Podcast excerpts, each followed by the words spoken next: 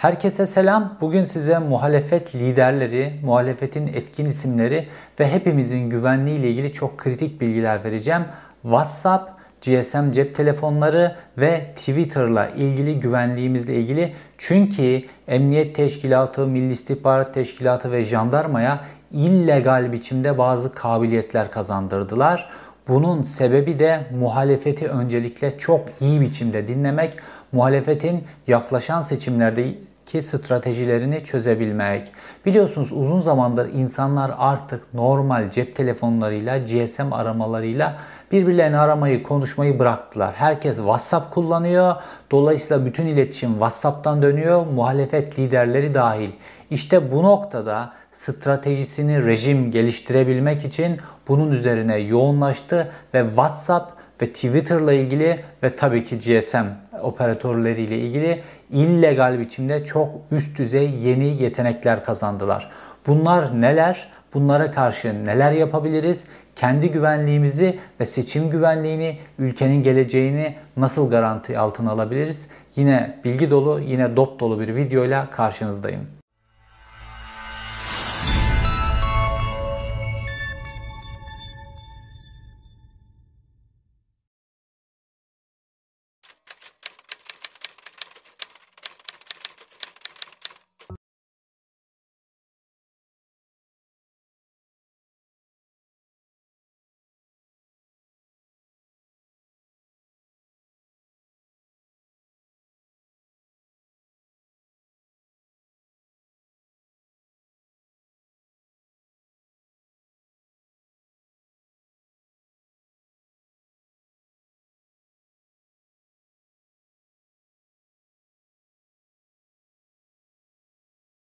Öncelikle genel olarak hepimizi ilgilendiren WhatsApp meselesiyle başlayalım. WhatsApp'la ilgili Emniyet İstihbarat, Milli İstihbarat Dairesi, Jandarma, Siber Daire vesaire bunlar ne yetenekler kazandılar?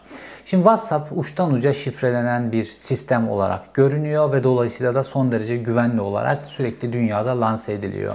Fakat WhatsApp'la ilgili hepimizin midesini bulandıran konuların başında WhatsApp'ın sahibi olan şirket geliyordu. O da Meta. Facebook'un, Instagram'ın ve WhatsApp'ın sahibi ve şirketin geçmişinde de Amerika'da karıştığı, başka coğrafyalarda karıştığı devletlerle işbirliği yapması nedeniyle şirketin geçmişi kirli ve data satması nedeniyle şirketin geçmişi kirli. Bu yüzden WhatsApp'la ilgili sürekli zihnimizin arkasında bazı şüpheler vardı. Fakat Emniyet istihbarat, MİT ve devletin bazı kurumları şimdi yeni bir yetenek kazandılar. Bunu da yurt dışından parayı basarak satın aldılar. Normalde iNet ve Sibernet diye bir sistem vardı. iNet emniyet istihbarat ve metin kullandığı bir sistem. Sibernet de e, emniyetin yine siber dairesinin kullandığı bir sistemdi. Bu iNet ve Sibernetten WhatsApp'ta kim kiminle konuşuyor çok uzun zamandır yani 5-6 yıldır bunu zaten görüyorlardı. Fakat ne konuştuğunu göremiyorlardı, ne yazıştığını göremiyorlardı, ne dosya gönderdi onu göremiyorlardı. Sesli ve görüntülü konuşmaları dinlemiyorlardı. Fakat hangi telefon numarası hangi numarayla görüşüyor kontak halinde bunu iNet ve Sibernet üzerinden tespit ediyorlardı. Fakat içeriye ulaşamıyorlardı. Fakat Milli İstihbarat Teşkilatı üzerinden İsrailli Celebrite diye bir firma var. Ve bu İsrailli firmaya kişi başı 10 bin dolar, 20 bin dolar gibi büyük paralar vererek bazı kişilerin WhatsApp'larını online olarak dinlettiriyorlardı. Hedef kişiler. Tabii ki muhalefet liderleri, muhalefetin kritik isimleri bunlar hedef kişiler. Fakat bu hedef kişilerle özellikle politik olarak dünyada bilinen muhalefet liderleri, Türkiye'ye baktığınızda bilinen muhalefet liderleri bununla ilgili yurt dışındaki firmaların da doğrudan dinleme yapıp bu dinlemeleri Türkiye'ye teslim etmesi biraz zor bir iş, riskli bir iş. Herkes açısından o firmanın uluslararası saygınlığı açısından da skandala dönüşebilecek bir işti. Bu yüzden zordu. Fakat belli işte kendisine göre istihbarat, Milli İstihbarat Teşkilatı'nın, emniyetinin önemli gördüğü isimlerin numaralarını veriyorlardı ve bu numaralarla ilgili de İsrail'de firmadan bu kişilerin bütün WhatsApp görüşmelerini, ses kayıtlarını, yazışmalarını vesaire alıyorlardı. Ve şunu da net olarak biliyoruz. Bu yetenek sadece Milli İstihbarat Teşkilatı'ndaydı bunu satın almak. Çünkü Milli İstihbarat Teşkilatı'nın örtülü yeteneği çok, e, örtülü ödeneği çok genişti. Dolayısıyla Emniyet İstihbarat da bazı önemli kişilerle ilgili WhatsApp içeriğini almak istiyorsa Milli İstihbarat Teşkilatı'na başvuruyordu. Milli İstihbarat Teşkilatı da bunu uygun görürse o kişilerin e, WhatsApp görüşmelerini, ses kayıtlarını, her şeyini bir USB içerisinde getirip elden bunu tamamen kayıt dışı yaptıkları için elden e, emniyet istihbarata teslim ediyordu birkaç yıldır. Fakat son birkaç aydır artık bunun bir üst noktaya taşıdılar. Çünkü Türkiye ile İsrail arasındaki ilişkiler gelişti ve baktığımızda da İsrail enteresan biçimde bu otokratik rejimleri, demokratik olmayan rejimleri bu coğrafyada güçlendirecek bu tip istihbarat yazılımlarını, bu tip istihbarat yeteneklerini bunlara satmakta hiçbir beis görmüyor. Yani bu tip yönetimler, bu tip illegal yöntemleri kullansınlar, ülkedeki bütün demokrasiyi bastırsınlar.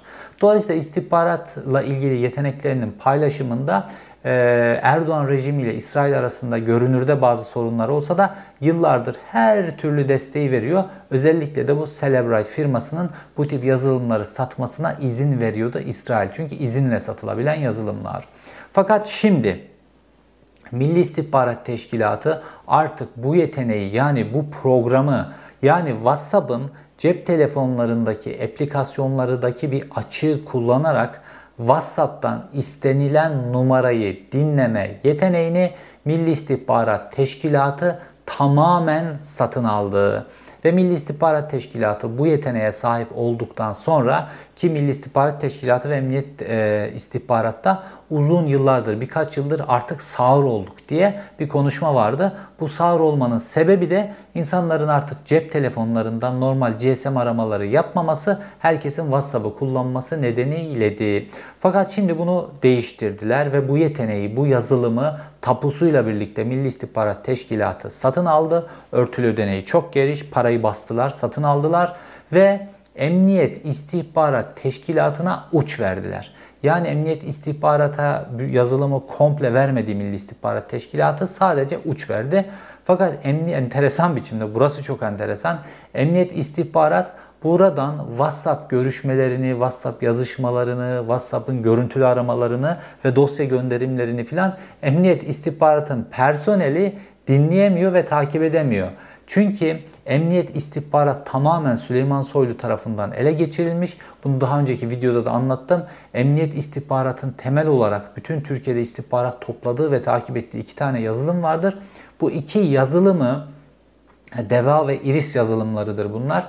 Bu iki yazılımı siber dairede Süleyman Soylu'nun KPSS şartı olmadan, hiçbir şart olmadan tamamen kendisinin yerleştirdiği 350 kişiye Emniyet İstihbarat Teşkilatı'nın bu iki yazılımı kullan, kullandırtılıyor.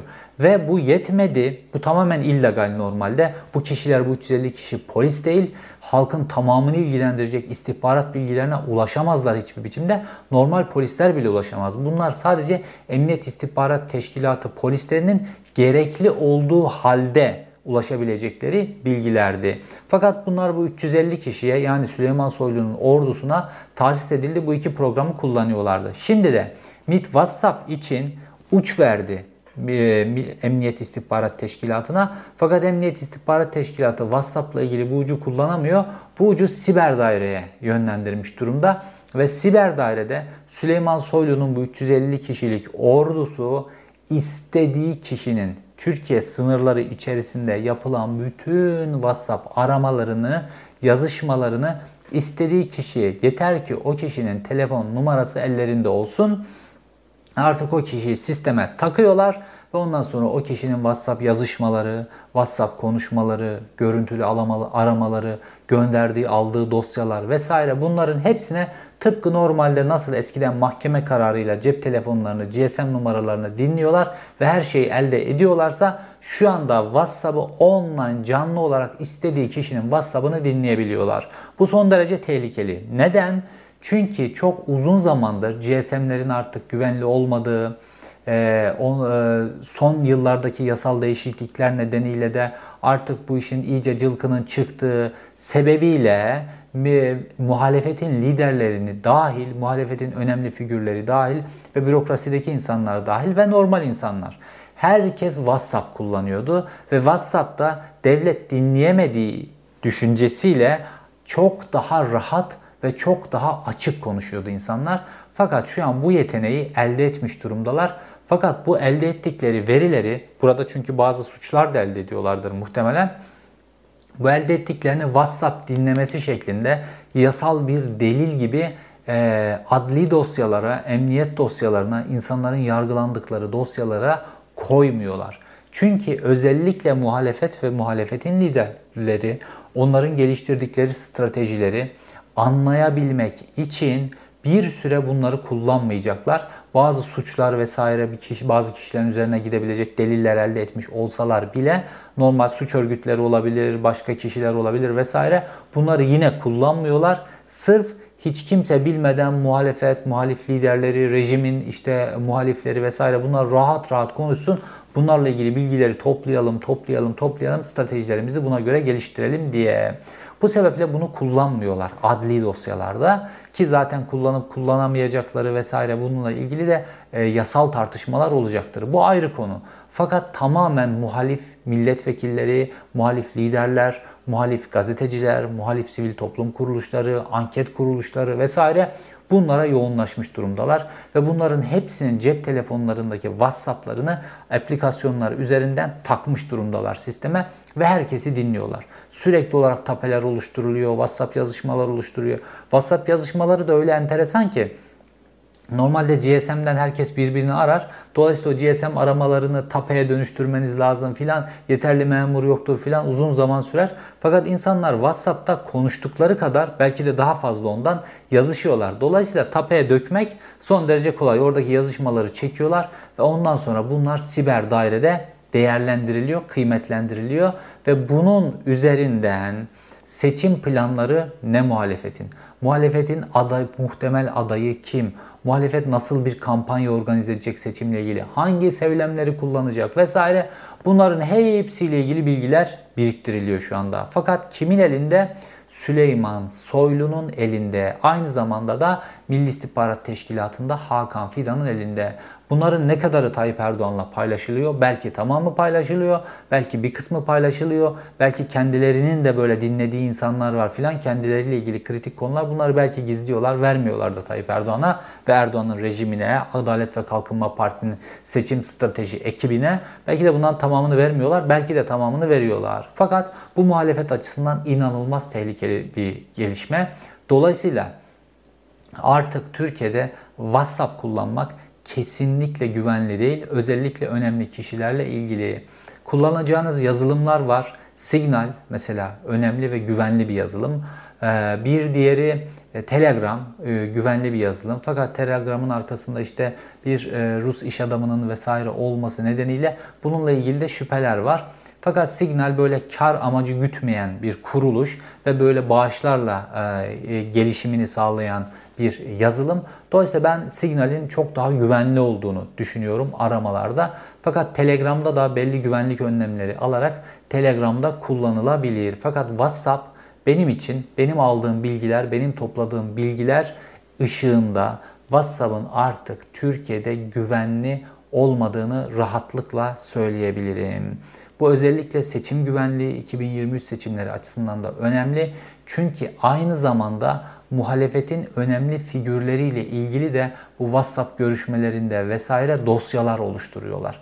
Ve ileride seçim yaklaştıkça aniden e, mesela Deva Partisi'nden, mesela İyi Parti'den, mesela CHP'den hiç olmayacak isimler istifa edebilirler. Hiç olmayacak isimler liderleriyle çatışma çıkartabilirler. Parti içinde çatışmalar çıkabilir, listeler dışarı sızabilir vesaire. Bu anormal mantığa büründüremediğiniz davranışların hepsinin arkasında bir şantaj arayın. Özellikle son zamanlarda muhalefet bazı muhalefet partilerinden potansiyel taşıyan muhalefet partilerinden böyle enteresan istifalar başladı aynı zamanda. Bunların hepsi bu WhatsApp üzerinden WhatsApp nasıl olsa dinlenmiyor rahatlığıyla yapılan o kişilerin özel hayatı olabilir, iş hayatları ile ilgili konular olabilir, liderinin aleyhine konuşabilir ya da suçla ilgili suç içerebilecek bazı konuşmalar yapabilir vesaire. Bunların hepsi burada toplanıyor ve bu kişilere karşı kullanılıyor ve 2023 seçimleri yaklaştıkça muhalefete karşı bu dosyalamalar üzerinden muhalefetten koparmalar, istifaya zorlamalar, iç karışıklıklar vesaire bunların hepsi kullanılacak. Dolayısıyla güvenli iletişim metotlarını kullanmak günümüz Türkiye'sinde çok önemli. Çünkü bu tip illegal dinlemelerle ilgili hesap soracak hiçbir mekanizma Türkiye'de bırakılmadı. Şimdi gelelim Twitter meselesine. Twitter meselesini anlattıktan sonra normal GSM telefonları ile ilgili de yeni kazandığı illegal kabiliyetlerle ilgili Emniyet Teşkilatı'nın, Siber Daire'nin, MIT'in bir bilgi vereceğim. Özellikle özel bir cihazla ilgili. Şimdi Twitter'la devam edelim. Türkiye'de muhalefet son yıllarda Twitter üzerinden dönüyor ve dünyada belki de işi görülmemiş kadar Twitter Türkiye'de politik olarak kullanılıyor. Muhalefet sürekli politik olarak Twitter üzerinden etkileşim halinde. Dolayısıyla muhalefetle ilgili bilgi toplamak, Türkiye'de politik olarak bir duruş gösterenlerle ilgili bilgi toplamak, bunlar arasındaki etkileşimleri tespit etmek, hesaplarla ilgili bilgileri almak ve gerektiğinde hesabı ele geçirmekle ilgili sürekli olarak kafa yoruyorlar. Şimdi bunların e, illegal işler yapmakta, özellikle insanları takip etmek ve insanların bu şekilde haklarındaki bilgileri toplamakla ilgili yani bu rejimin ayaklarını oturtmakla ilgili para harcamakta sınırları yok. Çünkü hem Emniyet İstihbaratın hem İl Milli İstihbarat Teşkilatı'nın örtülü ödeneğini çok büyüttükleri gibi saray da örtülü ödeneği inanılmaz rahat e, Cumhuriyet tarihinde eşi görülmemiş büyüklükte kullanıyor. Şimdi Tuncay Özyiğit denen bir polis memuru var. Bu emniyette, havacılık dairede daha sonra e, Emniyet İstihbarat Teşkilatı'na geçiyor. Emniyet İstihbarat Başkanlığı'na geçiyor. Ve bunun önderliğinde JNET ismi JNet isimli bir proje gerçekleştiriyor. Yani emniyetin DVA Iris denen yazılımları vardı. Bunlar üzerinden emniyet istihbarat dönüyordu. Bir de JNet diye Twitter'a özel bir yazılım gerçekleştiriyor. J isminin verilmesi de emniyette işte emniyet istihbaratta bu tip böyle teknik meselelerle ilgilenen e, şubenin ismi J şube. Dolayısıyla e, bu isim veriliyor JNet. Ve bu e, program üzerinden Twitter'in yine aplikasyonu üzerinden, Twitter'ın uygulaması üzerinden bir açık kullanılarak çok önemli bilgiler çekiliyor ve bunda dediğim gibi devlet gücü ve sınırsız para kullanılıyor. Önce bu Tuncay denen polis memurunun e, projesinde önce bir big data'ya ihtiyaçları var bu işi gerçekleştirebilmek için. İlk adımda ve 5 milyon dolar ödenerek bir big data satın alınıyor önce. Ve daha sonra Twitter'ın bu uygulamasındaki yazılım üzerinden hareketle açığından Twitter'ın bazı bilgilerini, Twitter'ın içerisindeki bazı kullanıcı bilgilerini çekebilecek bir yazılım oluşturuyorlar. Fakat Twitter devlet kaynaklı bir şeyi e, tespit ederse bunu engeller diye sanki bu ticari bir yazılım gibi Twitter'daki verileri toplamakla ilgili ticari bir yazılım gibi görünmesi için de İstanbul Üsküdar'da bunun merkezini kuruyorlar ve Türkiye'den bir internet şirketi de bunlarla işbirliği yapıyor. Dolayısıyla bu yazılımı oturtuyorlar. Peki bu yazılımla ne elde ediyorlar Twitter'dan? Burası çok önemli. Birincisi ve en önemlisi kişilerin Twitter'a tanıttıkları cep telefonu numaraları. Biliyorsunuz herkes Twitter adresi ele geçirilirse doğrulama kodu gönderilsin, ikinci güvenlik adımında işte tanıttıkları herkes hemen hemen cep telefonunu kullanıyor ve SMS gelsin diye. Dolayısıyla kişilerin Twitter'a tanıttıkları cep telefonunu, daha önce tanıtılan cep telefonlarını vesaire bunların hepsinin bilgilerini alıyorlar. Bir. Bu neden önemli? Çünkü bazı kişiler anonim hesap kullanıyorlar ve anonim hesaplarda da cep telefonlarını oraya yazıyorlar. Dolayısıyla bu anonim hesabın gerçek sahibi kim doğrulama kodunun geldiği e, GSM numarası ne? Onu da oradan tespit ediyorlar. Yurt içi numara, yurt dışı numara vesaire bunu buradan tespit ediyorlar. İkincisi bu kişilerin tanıttıkları mail adresleri tespit ediliyor. Üçüncüsü bu kişiler bazen bir hesap sonra ismini değiştirip başka bir hesap oluyor. O hesabın geçmişi, hangi isim değiştirilmiş vesaire bunların hepsiyle ilgili bilgiler elde ediliyor ve hesabın etkileşim haritası çıkartılıyor. Bu hesap kimlerle etkileşiyor, ne yapıyor vesaire, bunun hesabını attığı tweetleri kimler beğeniyor vesaire. Bu biçimde bütün Twitter'la ilgili datayı hem açık datayı analiz eden, çekebilen bir sistem hem de dediğim gibi bu kişilerin tanıttıkları cep telefonları, e, o Twitter hesabının eskiden e, sahip olduğu isim, eskiden o Twitter hesabına tanıtılan cep telefonu, tanıtılan mail adresleri vesaire bunlarla ilgili bütün bilgileri çekiyorlar. Bu aynı zamanda ticari olarak da kullanılabilecek bir data. İşte burada Kerim Altay diye benim daha önce videolarımda size bahsettiğim emniyet istihbaratta çalışan şu an emniyet istihbarattan gönderilen bir ünlü polis müdürü var. Bu kişi aynı zamanda dolandırıcılık, saadet zinciri vesaire bu meselelerin içerisinde de ismi geçiyor. Kerim Altay devletin imkanlarıyla yapılan bu yazılımla bir taraftan muhalif Twitter, Twitter hesapları, özellikle anonim Twitter hesaplarının kim tarafından kullanıldığının belirlenebilmesi için vesaire. Bunun önlemi de var. Bunu da birazdan anlatacağım size. Bunlarla ilgili çalışıyor. Aynı zamanda normal önemli gördükleri Twitter hesaplarının bütün analizlerini ortaya çıkartıyorlar vesaire. Ve bazı Twitter hesaplarının ele geçirilmesiyle ilgili çalışmalar da bunun üzerinden yapılıyor. Fakat burada oluşan çok büyük bir data var. Aynı zamanda bu data ticari olarak da kullanılabilir. İşte burada Kerim Altay'ın kullandığı bu Tuncay isimli polis memuru ve onun yanında başka bir polis memuru daha bu yazılımın içerisine bir e, solucan yerleştiriyorlar bu JNet'in içerisine ve bu bununla birlikte kendilerine açık bir kapı bırakıyorlar. Ve bu açık kapıdan Kerim Altay 16 farklı noktaya bu JNet'in kullanımıyla ilgili izin veriyor. Ve bu JNet'in kullanım ucu, ucu veriyor daha doğrusu. Ve bu uçlardan bu JNet'te oluşan bütün o big data ticari olarak kullanılıyor. Hatta bu öyle noktalara gidiyor ki işte Kerim Altay ile ilgili biliyorsunuz Trabzon merkezli bir saadet zinciri meselesi patladı. İşte hakimlerden, savcılardan, çoğunluğu polislerden milyonlarca lira toplamda 300 milyondan bahsediliyor. Para toplanmış ve bu para şu an batık vaziyette ve bu paranın toplanılmasında vesaire bu işlerde vesairede bu JNet ilgili emniyet istihbaratının yazılımlarıyla ilgili yetenekler tepe tepe kullanılmış. Bu son derece tehlikeli bir şey aynı zamanda. Dediğim gibi Twitter'ı Türkiye'de özellikle muhalefet kullanıyor. Muhalif hesaplar kullanıyor Twitter'da. Bunların bazıları anonim fakat çok e, etkili hesaplar. Anonim hesap bu internet aleminin doğasında var. Bu etkili hesaplar bunların kime ait olduğuna vesaire ilgili bütün çalışmaları yapıyorlar. Aynı zamanda bazı önemli kişilerin de son zamanlarda Twitter adresleri ele geçirildi. Bunu da şu şekilde yapıyorlar. O kişinin Twitter'a doğrulama kodu verdiği e, telefon numarasını oradan görüyorlar. Sonra bu telefon numarasına Twitter'da işte şifremi unuttum, şifre değişikliği vesaire diye Twitter'da giriş yapıyorlar. Ve Twitter'da doğrulama kodunu o tanıtılan cep telefonu numarasına SMS olarak gönderiyor. Bunlar zaten GSM teknolojisini, cep telefonu teknolojisini çok rahat takip ettikleri için o kişiden önce o SMS'i görüyorlar. Oradaki doğrulama kodunu alıyorlar. O kişi o anda belki Twitter'da değil, belki uyuyor vesaire. Hemen o doğrulama kodunu giriyorlar ve o kişinin Twitter şifresini değiştiriyorlar ve Twitter adresini ele geçirmiş oluyorlar. Bu kadar basit.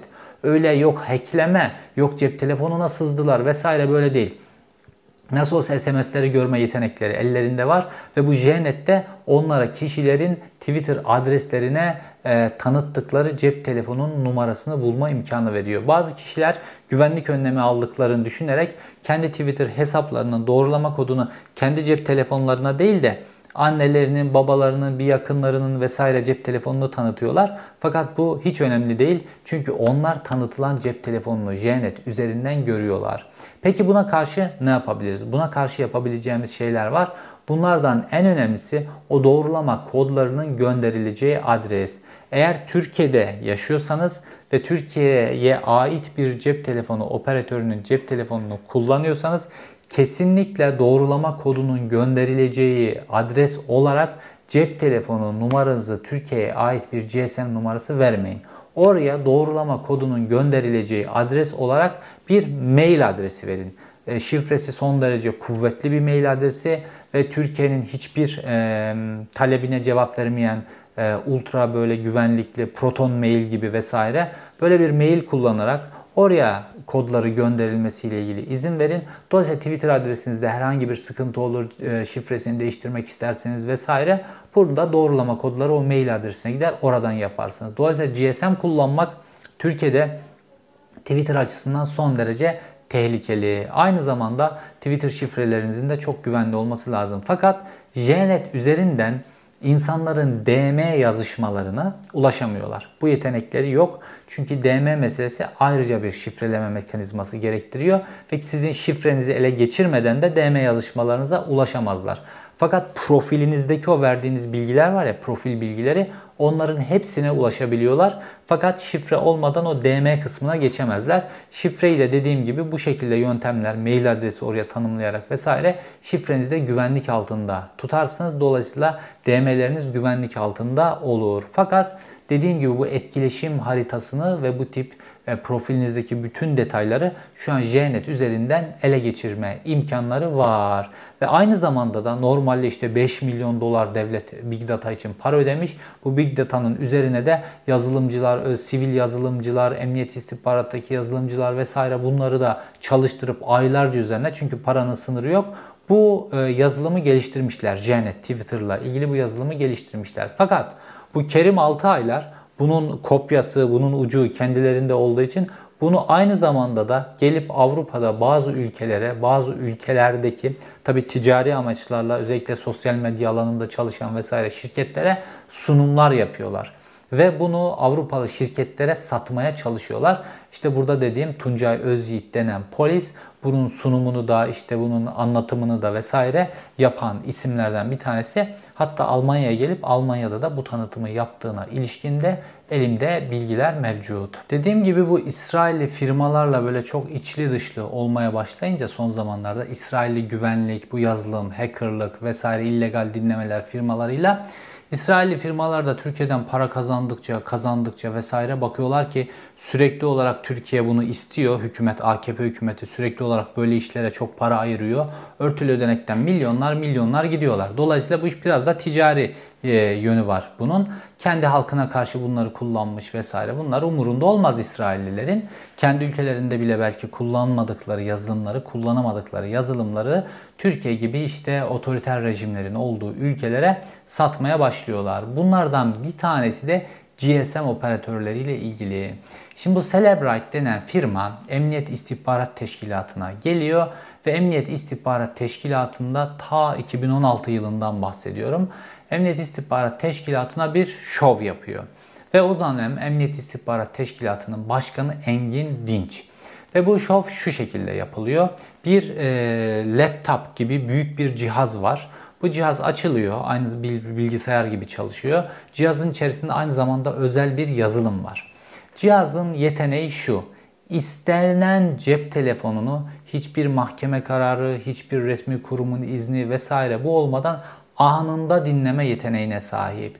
Normalde Türkiye'de cep telefonlarını dinleyebilmek için mahkemeden karar çıkarmanız lazım. Bu kararı emniyetin götürüp ilgili devletin teknik kurumuna, birimine vermesi lazım. O teknik kurumda bununla ilgili emniyete uç vermesi lazım. Ondan sonra emniyet dinleyebiliyor. Emniyet böyle birisinin cep telefonunu takıp dinleyemiyor. Bu mahkeme kararları ile ilgili bunlar nasıl çıkartılıyor vesaire bunlar tartışma konusu. Bunu da istismar ediyorlar çok fazla ama yine de bir prosedür var netice itibariyle. Fakat bu prosedürleri tamamen aşan bir cihaz tanıtıyor Celebrite firması. Ve şu şekilde şov yapıyor. İşte meşhur Kerim Altay da o zaman Emniyet İstihbarat e, Teşkilatı'nda ve Emniyet İstihbarat Teşkilatı'nın içerisinde işte SOMER denen bir oda var e, siber operasyonlar merkezi gibi. Bu siber operasyonlar merkezine İsrailli ekip geliyor ve İsrailli ekip bu cihazı açıyor. Ve diyorlar ki bize bir tane cep telefonu numarası ve bir internet bağlantısı sağlayın diyorlar. Ve bu cep telefonu numarasını verdikten sonra işte bir oradaki bir memurun cep telefonunu veriyorlar. İşte bu da diyor ki bu memur birisini arasın konuşsun. Burada mı arayıp konuşacak? Yok diyor isterse gitsin başka şehirde konuşsun diyorlar. Ondan sonra memur çıkıyor işte binanın dışarısına vesaire. Birisini arıyor cep telefonuyla konuşmaya başlıyor. Ve o numarayı sisteme girdikleri andan itibaren o memurun cep telefonuyla GSM hattından yaptığı konuşmayı online biçimde dinlemeye başlıyorlar. Normalde eskiden polis cep telefonlarını dinlerken 15-20 saniye sonra vesaire operatörden düşüyordu ve polis dinlemeye başlıyordu arama başladıktan sonra. Fakat burada anında dinleme oluyor. Ve Emniyet İstihbarat görevlileri, Emniyet İstihbarat Başkanı Engin Dinç vesaire oradaki görevlilerin hepsi şok oluyorlar. Çünkü tamamen e, bütün mekanizmaları geçen ve doğrudan baz istasyonuna bağlanıp baz istasyonu üzerinden cep telefonlarını dinleyen bir sistem geliyor. Ve Türkiye'nin her yerinde verdikleri her numarayı farklı illerden verdikleri numaraları da dinleyebilen yeter ki baz istasyonu sistemine sızabileceği bir noktada olsun bu cihaz. Tabi bunu nasıl gerçekleştirdiğini soruyor e, Somer merkezindeki görevliler. Ve İsrailli firmada şöyle söylüyor. GSM operatörlerinin baz istasyonlarında bir açık var. Bu açıktan sistemin içerisine giriyoruz ve oradan istediğimiz cep telefonunu dinleyebiliyoruz diyorlar. Peki sistem de çok pahalı bir sistem. Diyorlar ki bu açığı kapatır cep telefonları, GSM sistemleri tespit ederler ve bu açığı kapatırlar diyorlar. Hayır kapatamazlar. Neden kapatamazlar? Çünkü bu açığın kapatılması için yani GSM sisteminin çok güvenli, üst düzey güvenli olabilmesi için şu an sizin Türkiye'de kullandığınız GSM sistemine 3 kat yatırım yapması lazım. Yani Türkiye'de GSM operatörleri sadece işte internet hızı güzel olsun, ondan sonra cep telefonu sinyali her yerde güçlü çeksin yatırımlarını yapmışlar. Fakat bunun yanında aynı zamanda bunların hepsinin güvenliğiyle ilgili de hem ulusal güvenliği ilgilendiren hem bireysel güvenliği ilgilendiren yatırımların yapılması gerekiyor. Çünkü yabancı bir ülkede bu sistemin içerisine sızabilir. Aynı zamanda suç örgütleri de sızabilir. Aynı zamanda normal insanların telefonlarını işte bu şekilde e, çeşitli kamu kurumları da illegal biçimde dinleyebilir. Her şey mahkeme kararları ve tam güvenli olarak dönmesi için aynı zamanda GSM operatörlerinin güvenlikle ilgili de yatırımlar yapması lazım. Fakat bu yatırımlar Türkiye'de hiçbir zaman yapılmamış ve İsrailli firma diyor ki bu yatırımları dünyada yapan çok az sayıda firma var. İşte İsrail'deki GSM operatörlerine bu şekilde giremezsiniz. Almanya'dakine giremezsiniz. Amerika'dakine, Norveç, Kanada böyle Avrupalı gelişmiş ülkeleri sayıyorlar. Bunların operatörlerine giremezsiniz. Fakat bunun dışındaki operatörlerin hepsine bu sistemle girilebilir. Fakat biz ülke sınırlaması getiriyoruz diyorlar. Bu da şu sorunun üzerine geliyor. E, o zaman işte Norveç Büyükelçiliği mesela bu cihazdan bir tane getirir kendi büyükelçiliğine ve bunun üzerinden Türkiye'deki bütün sistemi dinler. Yok diyorlar. Biz onu Norveç'e satarsak ya da işte bir ülkeye satarsak onunla ilgili coğrafya kısıtlaması getiriyoruz falan diyorlar ama bu güvenilir bir e, e, açıklama değil açıkçası. Ve bunun üzerine de Emniyet İstihbarat Teşkilatı panik oluyor. Ve Emniyet İstihbarat Teşkilatı'nı da hemen üst düzey yöneticilerin vesaire bunların kriptolu telefonla konuşmasıyla ilgili tamim emir yayınlanıyor ve herkes kriptili, kriptolu telefona geçiyor. Sonra bunun nasıl istismar edildiğine de birazdan geleceğim. Fakat bu cihazı Engin Dinç döneminde almıyorlar. Daha sonra Akın Karatay Emniyet İstihbarat Daire Başkanı oldu ve bu cihazdan Akın Karatay satın alıp Emniyet İstihbarat Teşkilatı'nın hiçbir mahkeme kararı olmadan istediği kişinin GSM numarasını dinleyebilmesiyle ilgili yeteneği kazandırdı. İllegal yeteneği kazandırdı Emniyet İstihbarat Teşkilatı'na. Fakat orada iş durmadı. Celebrat firması aynı cihazı yazılımıyla birlikte Milli İstihbarat Teşkilatı'na da jandarmaya da aynı zamanda sattı. Dolayısıyla Türkiye'de şu an cep telefonlarını GSM'leri dinlemekle ilgili mahkeme kararı, savcılığın talebi vesaire bunun işte uygun görülmesi, katalog suçlara uyması vesaire bunların hepsi hikaye istedikleri cep telefonunu anında bu cihazlar sayesinde dinleyebiliyorlar. Bununla ilgili de İsrailli Celebrite firmasına parayı ödediler ve Türkiye'deki 3 tane istihbarat kurumu bununla ilgili yeteneği kazanmış durumda. Fakat sonrasında ne oldu? İşte Emniyet İstihbarat Dairesi o dönemde kriptolu telefonlara geçiyor. Fakat kriptolu telefonlara Emniyet İstihbarat personelinin ve emniyetin üst düzeylerinin geçmesi de sonra bu polislerin aleyhine bir şantaj unsuruna dönüşüyor. Polis müdürleri kriptolu telefonlardan konuşmaya başlayınca bu normalde bu kriptolu telefonlarla ilgili işte bilgilerin hiçbir yerde depolanmadığı vesaire düşünülüyordu.